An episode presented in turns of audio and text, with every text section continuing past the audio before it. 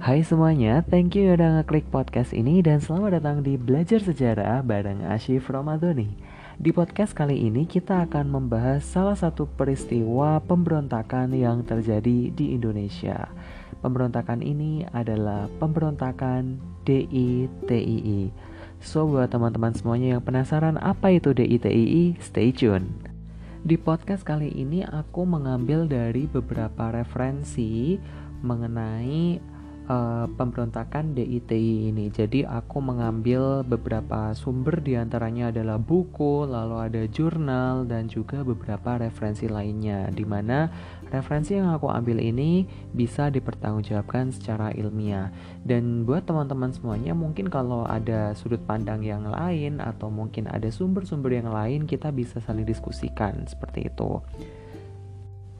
Nah, back to the business. Kembali ke laptop kalau katanya Tukul Arwana. DITII atau kepanjangan dari Darul Islam Tentara Islam Indonesia. Kalau dari asal katanya, Darul Islam itu di bahasa Arabnya itu kan artinya uh, kok artinya sih? Asal katanya adalah Dar al-Islam dar atau daar al Islam tulisannya daar al Islam gitu tapi mungkin uh, bacanya dar al Islam nah maknanya itu adalah wilayah atau negara atau mungkin uh, sebuah tempat yang didiami dan juga diperintah oleh orang-orang Islam. Yang di dalamnya itu berlaku hukum-hukum Islam. Nah, jadi um, maksud dari Darul Islam sendiri adalah negara Islam. Artinya Darul Islam itu ya maksudnya adalah konsep negara Islam nih teman-teman. Nah di dalam negara Islam itu sendiri pasti terdapat uh, angkatan militer atau panglima uh, perang gitu kan dan panglima perangnya ini atau angkatan militernya ini angkatan perang dari suatu negara ini di Darul Islam itu pasti haluannya adalah haluan Islam. So, kenapa kok uh, istilahnya DI uh, garis miring TII gitu kan? Karena memang Darul Islam sendiri atau dalam negara Islam itu sendiri terdapat angkatan perang yang dinamakan tentara Islam. Kok bisa-bisanya sih ada pendirian atau ada rencana untuk mendirikan negara Islam di Indonesia gitu kan? Apalagi DITI ini kan uh, ingin mendirikan sebuah negara negaranya namanya negara Islam Indonesia gitu kan. Kembali lagi nih teman-teman bahwa aku kemarin udah menjelaskan di podcast sebelumnya yaitu di pemberontakan PKI Madiun tahun 1948 di mana perlu kalian ingat lagi kemerdekaan Republik Indonesia itu diperjuangkan oleh banyak golongan, banyak orang yang memperjuangkan Indonesia itu harus merdeka. Ada mereka yang dari golongan nasionalis, ada mereka yang dari golongan agama, dan juga ada yang dari golongan komunis atau mungkin dari fasis dan lain sebagainya. Nah, mereka ini sama-sama ingin memperjuangkan kemerdekaan Indonesia. Nah, kembali lagi, apakah pemberontakan DITI itu merupakan sebuah bentuk kekecewaan terhadap pemerintah karena pemerintah Indonesia sendiri pada awal kemerdekaan itu tidak menerapkan sistem Islam? Atau bagaimana nih? Nah, pasti kan pertanyaannya seperti itu nih teman-teman. Nah, apalagi uh, konsep yang diusung dalam uh, pemberontakan DITI ini adalah ingin membentuk sebuah negara Islam. Nah, negara Islamnya namanya Darul Islam Indonesia, seperti itu. Nah, jadi uh, emang triggernya apa sih? Penyebabnya itu apaan sih? Kayak gitu. Kalau kata uh, apa namanya beberapa orang triggernya itu apa gitu loh. Trigger tuh penyebab ya teman-teman. Kita akan bahas berikut ini. Pemberontakan DITI ini dianggap pemberontakan yang paling complicated gitu loh. Complicatednya seperti uh, rumah tangga artis kali ya yang ribet banget gitu ya. Cuman ini lebih uh, complicated lagi karena Pemberontakan ini tuh asalnya di Jawa Barat, tetapi kemudian merembet-merembet lagi ke Jawa Tengah. Bahkan di Jawa Tengah itu ada dua wilayah yang menjadi titik pemberontakan, yaitu di wilayah Tegal, Brebes, dan juga uh, daerah sana. Jadi daerah perbatasan Jawa Barat dan juga di daerah Kebumen lalu merembet lagi ke luar Jawa nih teman-teman. Ke luar Jawa itu di wilayah Sulawesi Selatan. Lalu setelah dari Sulawesi Selatan itu kemudian menyeberang lagi ke Pulau Kalimantan, tepatnya di Kalimantan Selatan. Bahkan yang paling susah dan itu bermasalah sampai sekarang itu merembetnya ke Aceh. Nah, di Aceh itu ada pemberontakan DITI juga dan nanti impactnya malah uh, ke gerakan Aceh Merdeka nih teman-teman. Nah, penyebab dari pemberontakan DITII ini itu sebenarnya 11-12 dengan pemberontakan PKI Madiun tahun 1948. Nah, jadi kita perlu memahami bahwa uh, pada awalnya itu penyebabnya sama, yaitu karena wilayah Indonesia itu sangatlah sempit pada saat perjanjian Renville. Kita tahu bahwa perjanjian Renville merupakan perjanjian yang sangat merugikan Indonesia. Kenapa demikian? Karena wilayahnya di Jawa saja, di Pulau Jawa itu hanya sebatas wilayah Jawa Tengah dan juga Banten. Lah terus gimana dengan Jakarta? Gimana dengan Jawa Barat? Lalu gimana dengan Jogja dan juga uh, mungkin Jawa Timur gitu loh. Tapi Jogja itu dulunya masuknya Jawa Tengah ya, teman-teman. Nah, kita melihat bahwa ternyata wilayah Jawa Barat, Jakarta, dan juga Jawa Timur itu tidak termasuk menjadi wilayah bagian dari negara Republik Indonesia. Mereka sudah termasuk wilayah dari Hindia Belanda, dari uh, pemerintah Belanda seperti itu, sesuai dengan perjanjian Renville. Dari perjanjian tersebutlah kita bisa melihat bahwa ternyata perjanjian Renville itu perjanjian yang sangat memecah belah kekuatan dari Republik Indonesia. Padahal kita itu baru merdeka ya teman-teman. Pada awal-awal tahun 48 nih ya Awal 48 itu kan selesai perjanjian Renville. Kita tuh baru merdeka Belum ada sampai 3 tahun. Tiba-tiba kok udah dia ada aja cobaannya Kayak gitu tuh. Heran juga sih sama Belanda pada saat itu. Ya gimana lagi? Dia juga pengen kembali menguasai kita gitu kan. Dan kita pun juga nggak mau gitu loh. Kita kan pengen menjadi negara yang berdaulat Kayak gitu Nah, ibaratnya uh, ketika Belanda itu ingin menguasai wilayah Indonesia gitu loh dan kita nggak ingin uh, apa namanya kita nggak ingin kembali gitu kan ya berarti kita memiliki keinginan untuk berdaulat dengan kemampuan kita sendiri. Nah, kembali lagi ke perjanjian Renville. Pada saat penandatanganan perjanjian Renville itu, impactnya adalah ke wilayah Indonesia itu sendiri, ke pemerintah Indonesia sendiri. Kita tahu bahwa beberapa wilayah kita yang asalnya sangat luas sekali gitu kan, luas banget bahkan Pulau Jawa itu itu adalah wilayah Indonesia, tetapi malah wilayah kita, wilayah Indonesia itu di Pulau Jawa itu hanya sebatas wilayah sebagian wilayah Jawa Tengah dan juga Banten gitu kan. Nah ini impactnya adalah mau tidak mau angkatan perang Indonesia mau tidak mau tentara uh, Indonesia itu harus ditarik dari wilayah pendudukan Belanda dan harus mau tidak mau pindah ke wilayah Republik Indonesia yang sangat sempit. Jadi kita bisa membayangkan bahwa beberapa tentara yang ada di Jawa Barat itu harus hijrah. Nah, ceritanya itu hijrah ya. Hijrah di sini adalah pindah gitu kan. Bukan bermaksud hijrah itu hijrah kayak apa namanya uh, menjadi lebih baik lagi ya. Konteksnya ini beda ya, teman-teman. Jadi hijrah di sini adalah kita uh, berpindah tempat gitu kan uh, bukan apa namanya hijrah seperti layaknya ukti-ukti atau akhi-akhi seperti itu, tetapi konteks hijrah adalah pindah. Jadi pada saat itu banyak sekali dijumpai tentara Indonesia berjalan kaki dari Jawa Barat menuju Jawa Tengah. Kenapa demikian? Karena memang Jawa Barat itu bukan merupakan wilayah Indonesia sesuai pada perjanjian Renville. Dampaknya apa nih teman-teman? Dampaknya adalah wilayah Jawa Barat itu ternyata mengalami kekosongan kekuasaan. Nah, melihat dari situasi tersebut, ternyata hal kekosongan kekuasaan yang ada di Jawa Barat ini dimanfaatkan oleh seorang tokoh yang bernama Sekar Maji Marijan Kartosuwiryo. Siapakah beliau? Beliau adalah sahabatnya Presiden Indonesia pertama kita yaitu Insinyur Soekarno.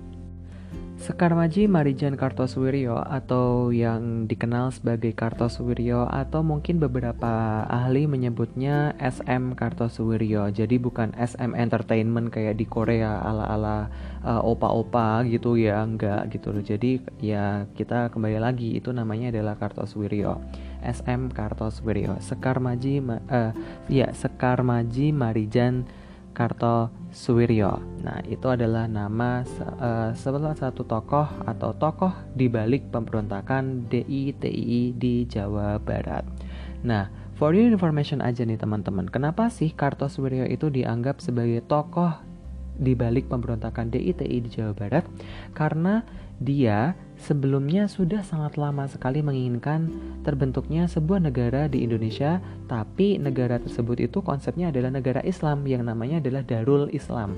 Nah, kenapa sih si Kartosuwiryo itu menginginkan uh, terbentuknya sebuah negara dan itu adalah konsep negara Islam? Karena menurut Kartosuwiryo itu sendiri, mayoritas masyarakat kita, masyarakat Indonesia adalah beragama Muslim. Iya sih, benar mayoritas uh, masyarakat Indonesia adalah beragama Muslim, beragama Islam. Tetapi melihat situasi tersebut menurut saya itu sangat gak make sense banget ya dengan saat ini gitu loh. Meskipun mayoritas tetapi uh, banyak sekali uh, saudara-saudara kita itu yang memeluk agama selain Islam seperti itu. Tapi dia ingin mendirikan negara Islam di uh, wilayah yang notabene-nya adalah wilayah yang sangat beragam seperti itu. Nah, selain itu juga menurut Kartosuwiryo sendiri uh, kenapa harus negara Islam? Karena bagi Kartosuwiryo itu uh, Islam itu merupakan sebuah konsep agama yang sangat kompleks dalam seluruh aspek kehidupan. Jadi Islam itu ibarat kayak ideologi politik di mana uh, setiap perjuangan politik itu harus berpegangan pada akidah politik yaitu ideologi sama realistis di mana uh, maksudnya di sini adalah apa pun uh, pandangannya, apa pun uh, langkah politik ke depan itu harus berasaskan pada ideologi dan realistis Islam. Jadi pandangan Islam seperti itu. Sehingga apa nih teman-teman? Sehingga uh, kekuasaan negara Islam menurut Kartosuwiryo itu uh, dia menginginkan bahwa di dalam sebuah negara itu kekuasaan Islam tuh yang penuh dan tidak tergantung bahkan tidak dipengaruhi oleh pihak mana pun. Hmm, ngeri juga nih ya pemikiran dari Kartosuwiryo gitu kan. Tetapi uh, menurut Kartosuwiryo ini juga sangat ekstrim banget sih, karena uh, dia menganggap bahwa uh, sebuah negara itu harus tertanam dalam dada dan juga hati eh, masing-masing rakyatnya. Setiap rakyatnya itu uh, yang sebagian memeluk agama Islam ya harus menerapkan kaidah Islam seperti itu. Sedangkan Indonesia sendiri kan tidak menerapkan ideologi Islam nih teman-teman, tapi menerapkan ideologi Pancasila. Kartosuwiryo sendiri dengan tegas menolak ideologi Pancasila. Hmm, ya ini menurut aku sendiri ini sangat ekstrim sih dia dia itu hidup di Indonesia tapi malah menolak ideologi Pancasila kayak gitu. Karena menurut uh, Kartosuwiryo itu sendiri Pancasila itu konsepnya itu tidak berakar uh, dari masyarakat Indonesia yang notabene adalah mayoritas Islam teman-teman. Tetapi Pancasila itu ya hanya dari kulit arinya aja ibaratnya seperti itu. Dia tidak berdiri di apa namanya dia tidak berasal dari kekuatan rakyat Indonesia itu sendiri. Sehingga apa? Sehingga ya kedaulatan dan juga kemerdekaan dari Indonesia itu uh, tidak apa ya ibaratnya itu tidak uh, mendapatkan restu dari beberapa pihak seperti itu. Menurut menurut Kartosuwiryo seperti itu. Bahkan menurut Kartosuwiryo itu sendiri, kalaupun misalnya negara Indonesia itu menerapkan ideologinya Muslim, kita menerapkan sistem negara Islam, ya pasti beberapa negara akan mendukung kita gitu loh karena beberapa negara kan ada yang uh, berideologikan Islam, ada yang negara berideologikan kapitalis dan juga komunis kayak gitu. Nah, karena masyarakat Indonesia mayoritas adalah masyarakat Islam, makanya uh, menurut kata Suryo, Indonesia harus menerapkan uh, sistem negara Islam. Di samping itu juga, menurut Kartosuwiryo sendiri, uh, negara Pancasila itu nggak mampu menjalankan hukum-hukum syariat Allah dengan baik gitu loh, menjalankan syariat uh, hukum Islam dengan baik gitu loh. Makanya uh, lebih baik menurut Kartosuwiryo itu ya Pancasila dibuang jauh-jauh aja gitu loh, jangan sampai ada di Indonesia kayak gitu.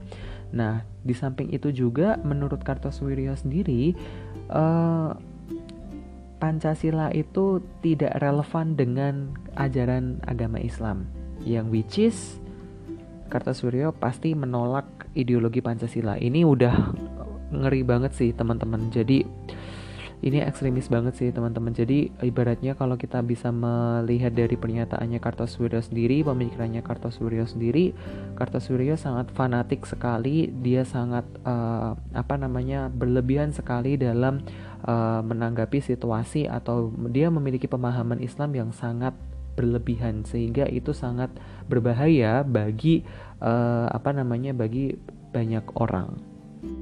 Nah, berdasarkan pemikirannya itu tadi, ditambah situasi Jawa Barat yang kosong, nggak ada tentara nasional Indonesia, nggak ada tentara Indonesia, uh, karena wilayah Jawa Barat itu kan uh, secara hukum menurut perjanjian Renville itu merupakan wilayah dari pemerintah Belanda, wilayahnya Belanda. Makanya Uh, karena Kartosuwiryo sendiri itu tidak menginginkan Jawa Barat itu bergabung dengan Belanda, maka dia memanfaatkan situasi dengan mendirikan Negara Islam Indonesia atau Darul Islam pada tanggal 7 Agustus 1949 di Malangbong, Jawa Barat. Nah, jadi uh, wilayahnya itu tepatnya di Desa Pangwedusan, ya kan, Desa Pangwedusan uh, Cisayong, Tasikmalaya. Nah, jadi ada beberapa versi uh, teman-teman uh, pemberontakan DITI itu terjadi kapan gitu kan. Jadi beberapa ver, uh, versi pertama itu tadi saya sudah menyebutkan bahwa ada yang didirikan tanggal 7 Agustus 1949, ada lagi yang menyebutkan bahwa uh, negara Islam Indonesia atau pemberontakan DITI itu dimulai itu pada tanggal 10 sampai 11 Februari 1948. Sebenarnya sama saja nih teman-teman karena memang konteksnya di sini adalah wilayah tersebut itu memang dikuasai atau uh, memang sebenarnya itu bukan wilayah Indonesia gitu loh karena memang sesuai dengan perjanjian Renville. Nah, Kartosuwiryo sendiri itu karena dia sudah mendirikan konsep negara Islam Indonesia itu tadi, dia mengubah uh, konsep tatanan negara uh, republik atau negara kesatuan Republik Indonesia itu menjadi konsep tatanan negara Islam. Karena menurutnya juga uh, Islam itu agama yang sangat sempurna karena yaitu tadi Islam mengajarkan beberapa uh, hal dan itu sangat kompleks di segala kehidupan itu diatur dalam konsep Islam, baik itu pendidikan, pengajaran, baik itu lahir maupun batin, hal yang paling kecil, sepele, remeh-temeh, bahkan mengurus rumah tangga itu diatur dalam Islam. Bahkan mengendalikan pemerintahan pun juga diatur dalam Islam. Itu pemikiran dari Kartosuwiryo itu sendiri. Sehingga apa nih teman-teman? Sehingga pemerintah pusat jujur kaget lah mendengar reaksi berdirinya negara Islam Indonesia. Pemerintah pusat langsung, weh nih orang main-main nih dia ternyata malah kita tuh baru struggle menghadapi beberapa perlawanan, menghadapi berbagai gempuran di mana-mana, tapi malah dia bikin gara-gara nih ya sepertinya. ya seperti itulah uh, apa namanya uh, kurang lebih situasi yang terjadi pada saat itu. Jadi uh, chaosnya sangat luar biasa teman-teman dari konsep negara yang digagas oleh Kartosuwiryo itu sendiri, dia masih berpikir bahwa negara Islam Indonesia itu harus memiliki angkatan perang. Nah, angkatan perang inilah yang harus juga berasaskan agama Islam. Makanya Darul Islam itu ya identik dengan Tentara Islam Indonesia. Makanya pemberontakan ini tuh dinamakan pemberontakan DITI ini, teman-teman. Dan for your information aja nih, pemberontakan DITI ini sangat menjalar atau menyebar ke beberapa wilayah. Apalagi uh, salah satunya juga di wilayah Tegal. Nah, for your information aja nih teman-teman, wilayah Tegal dan juga Brebes itu kan merupakan daerah perbatasan antara Jawa Tengah dan juga Jawa Barat. Nah, apalagi di daerah Tegal dan Brebes itu kan daerah perbatasan antara wilayah kekuasaan RI, wilayah kekuasaan Indonesia dengan Belanda kan sesuai dengan perjanjian Renville itu kan teman-teman. Nah, apalagi di daerah perbatasan itu mau nggak mau harus dikosongkan dari unsur-unsur militer gitu kan, harus dikosongkan dari apa namanya dari pengaruh Belanda maupun pengaruh Indonesia. Sehingga apa? Sehingga ada salah satu tokoh juga namanya Amir Fatah. Nah, Amir Fatah inilah yang mendengar adalah berdirinya negara Islam Indonesia di wilayah Jawa Barat itu tadi, dia pun juga memproklamasikan diri bahwa Tegal, Brebes itu termasuk wilayah dari negara Islam Indonesia. Luar biasa sekali perjuangannya. ini sangat complicated banget sih teman-teman karena memang pemberontakan di ITE itu sangat complicated banget gitu loh. Dan ini sangat menyusahkan karena penyelesaiannya pun juga sangat lama. Selain lama juga mereka tersebar di beberapa wilayah Indonesia. Dan meskipun demikian nih teman-teman uh, hal yang terjadi di Jawa Barat tepatnya yang dilakukan oleh Kartosuwiryo itu tidak berlangsung lama. Jadi uh, penyelesaiannya adalah pada saat itu juga langsung dilakukan operasi pagar betis. Nah, operasi pagar betis ini dilakukan untuk menyisir dan juga menangkap Kartosuwiryo.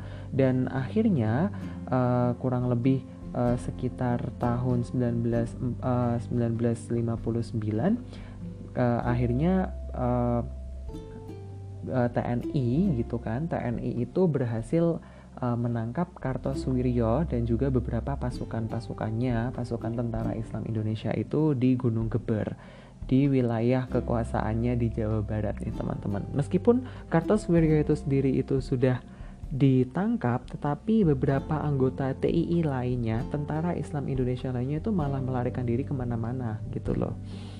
Hmm, dan for information aja, Kartosuwiryo langsung dihukum mati pada saat itu juga yang mengakibatkan Presiden Soekarno sangat bersedih. Kenapa bersedih? Karena Kartosuwiryo itu merupakan sahabat dari Presiden Soekarno, di mana dulunya pada masa-masa awal pergerakan nasional, uh, Kartosuwiryo dan uh, Soekarno itu sama-sama berguru kepada host Cokro Aminoto. Mereka sama-sama memperjuangkan kemerdekaan, tetapi malah endingnya nasibnya dari Kartosuwiryo itu malah berada di tangan Soekarno. Ada bawang di sini, aduh, nangis nangis nangis nangis persahabatan yang berakhir tidak happy ending teman-teman. Tapi uh, meskipun demikian ya mau tidak mau memang aturan harus ditegakkan dan juga penyelesaian harus tetap berlanjut. Begitu pula di wilayah Tegal itu sendiri. Di wilayah Tegal yang dipimpin oleh Amir Fatah pun juga berhasil ditumpaskan oleh Tentara Nasional Indonesia. Jadi uh, wilayah Tegal dan juga wilayah Jawa Barat itu berhasil diselesaikan secara langsung oleh TNI. Namun meskipun demikian, ternyata nggak semudah itu gitu loh. Uh, pemberontakan DITI itu sudah selesai gitu. Ternyata enggak teman-teman. Pengaruh dari Kartosuwiryo itu sendiri itu sangat luar biasa. Dia dianggap sebagai imam dan juga presiden negara Republik Indonesia. Eh, Republik eh sorry, negara Islam Indonesia. Belibet banget nih ya ngomongnya gitu kan. Karena emang pemberontakan DITI itu sangat complicated banget sih teman-teman. Tapi dari situlah kita bisa mempelajari beberapa hal gitu. Dan kita nanti akan membahasnya. Nah uh, pengaruh dari Kartosuwiryo itu menjalar sampai ke mana-mana bahkan ke Kebumen. Kita tahu bahwa Kebumen itu merupakan salah satu wilayah di selatan Pulau Jawa tepatnya di Jawa Tengah di mana di Kebumen tersebut itu ada yang dinamakan Kiai Mahfud. Ada salah satu tokoh yang dinamakan uh, yang bernama Kiai Mahfud sampai dinamakan. Hmm, belibet banget ya ternyata membahas uh, pemberontakan DITI ini sangat complicated banget teman-teman. Tapi uh, di sini saya uh, aku berusaha untuk merangkum dari beberapa referensi. Nah, karena pengaruh dari Kartosuwiryo itu sangat besar, apalagi uh, di sini juga ada salah satu tokoh namanya Kiai Mahfud. Nah, Kiai Mahfud ini pun juga uh, terinspirasi gitu loh. Dia juga tidak sepakat dengan konsep negara republik yang didirikan di wilayah Indonesia. Dia juga tidak sepakat dengan uh, konsep Pancasila di Indonesia. Sehingga apa? Kiai Mahfud itu sendiri mendirikan Angkatan Umat Islam atau AUI. Nah, AOI ini dipimpin langsung oleh Kiai Mahfud, di mana itu merupakan badan kelas karan yang berpaham Islam yang anggotanya itu berasal dari Kebumen dan sekitarnya gitu kan. Nah, tujuannya itu ya apa namanya meskipun embel-embelnya adalah untuk mempertahankan kemerdekaan Republik Indonesia, tetapi at the end of the day Kiai Mahfud itu justru malah ingin me, apa ya istilahnya itu mempertahankan atau mendirikan konsep negara Islam Indonesia. Luar biasa sekali ini pemberontakannya sangat sangatlah complicated banget gitu kan. Bahkan hanya karena fanatisme aja mereka uh, sangat apa ya berbahaya banget sih. Apa pun yang berlebihan itu sangat berbahaya teman-teman. Emang apalagi kalau kita sangat fanatik dan lain sebagainya itu sangat dibutakan dibutakan oleh hal gitu tuh nggak tahu sih gimana gitu loh kita sampai nggak bisa berpikir uh, rasional dan lain sebagainya kayak gitu kan Nah, Kiai Mahfud ini dikenal sebagai Kiai Sumolangu. Kenapa dikenal sebagai Kiai Sumolangu? Karena wilayah pemberontakannya itu berada di daerah Sumolangu, Kebumen. Nah, jadi eh, apa namanya? Kiai Mahfud ini memperjuangkan berdirinya negara Islam Indonesia atau Darul Islam Indonesia dan juga Tentara Islam Indonesia itu di wilayah Sumolangu, Kebumen. For your information aja nih teman-teman, Somalangu itu merupakan pondok pesantren yang dimiliki oleh Kiai Mahfud. Jadi Kiai Mahfud itu memiliki salah satu pondok pesantren namanya Pondok Pesantren Al-Kahfi Somalangu seperti itu dan itu terletak di Kebumen. Nah, jadi kita bisa membayangkan bahwa pemberontakan DITII yang ada di Jawa itu sangat complicated apalagi di luar Jawa gitu kan. Di luar Jawa juga info terdengarnya berita atau berita terdengarnya pendirian negara Islam Indonesia itu terdengar sangat viral di beberapa wilayah. Nah, salah satunya adalah di wilayah Sulawesi Selatan. Terlebih lagi ada salah satu tokoh namanya Kahar Muzakar. Nah, si Kahar Muzakar ini juga merasa tidak puas dengan kebijakan yang dilakukan oleh pemerintah Republik Indonesia. Sehingga apa nih teman-teman? Kahar Muzakar juga memproklamasikan bahwa wilayah Sulawesi Selatan bergabung menjadi wilayah negara Islam Indonesia. Aduh, aduh, kenapa sih pada mau berbondong-bondong mau masuk ke negara Islam Indonesia gitu loh? Aku nggak bisa bayangin sih kenapa saking uh, mereka tidak terwakili atau mungkin mereka tidak terwadahi pendapatnya gitu kan teman-teman. Kak bisa-bisanya mereka kok membelot atau bagaimana.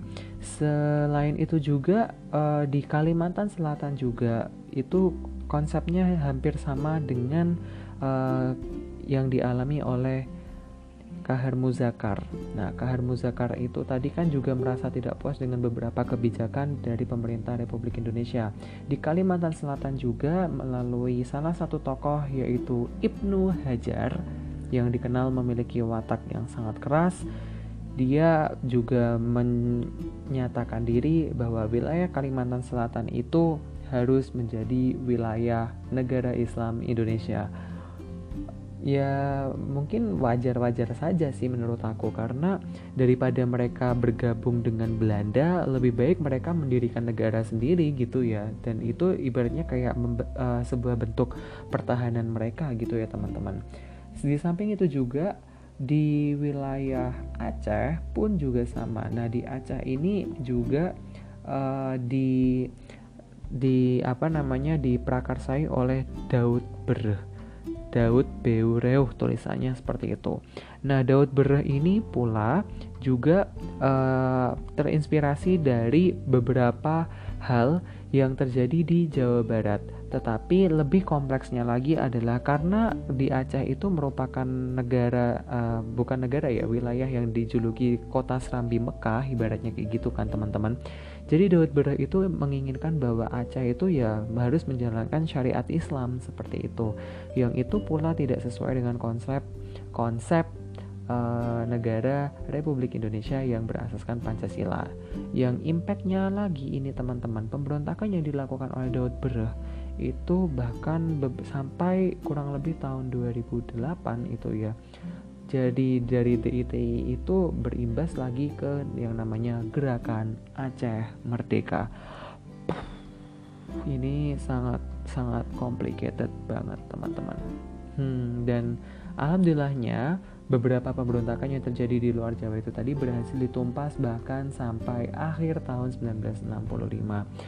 Jadi kita bisa membayangkan nih teman-teman, pemberontakan DITI itu yang terjadi ta tahun 1948-1949 itu baru selesai tahun 1965. Lama banget ya. sumpah sih ini sangat complicated banget memang tapi uh, aku akuin memang pemberontakan ini juga uh, salah satu bentuk counter ya counter atau pertahanan diri gitu ya. Bukan counter HP atau bagaimana enggak. Tetapi bentuk mempertahankan diri karena yaitu tadi teman-teman karena wilayah Indonesia itu kan dalam perjanjian Renville itu sangat sempit hanya sebatas wilayah uh, Jawa Tengah dan juga Banten. Lainnya adalah wilayah uh, Belanda. Daripada mereka itu menjadi wilayah Belanda lebih baik mereka mendirikan negara tersendiri.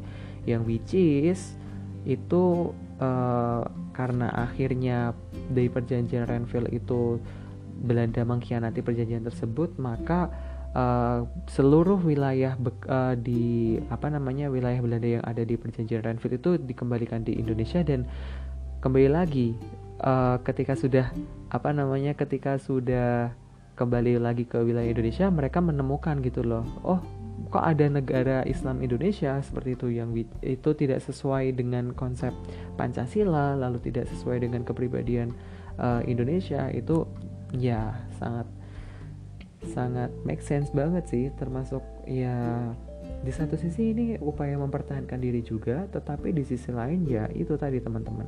Dari cara berpikirnya juga lalu dari apa namanya dari hmm, cara mempertahankan diri juga itu menurut aku adalah hal yang salah gitu loh apalagi dia sudah mencanangkan bahwa mayoritas masyarakat Indonesia adalah beragama Islam meskipun demikian tetapi minoritas masyarakat Indonesia itu tidak Islam. Jadi kita harus memperhatikan teman-teman kita yang minoritas, saudara-saudara kita yang minoritas. Jangan sampai terulang kembali peristiwa seperti ini. Nah, jadi kita bisa menyimpulkan bahwa pemberontakan di ITI itu jangan sampai kita terlalu fanatik atau terlalu berlebihan dengan apa pun yang kita terima atau yang kita alami. Karena apa teman-teman? Yang berlebihan itu tidak bagus. Yang sedang-sedang saja, kayak lagu dangdut aja gitu. Iya. Oke, baiklah.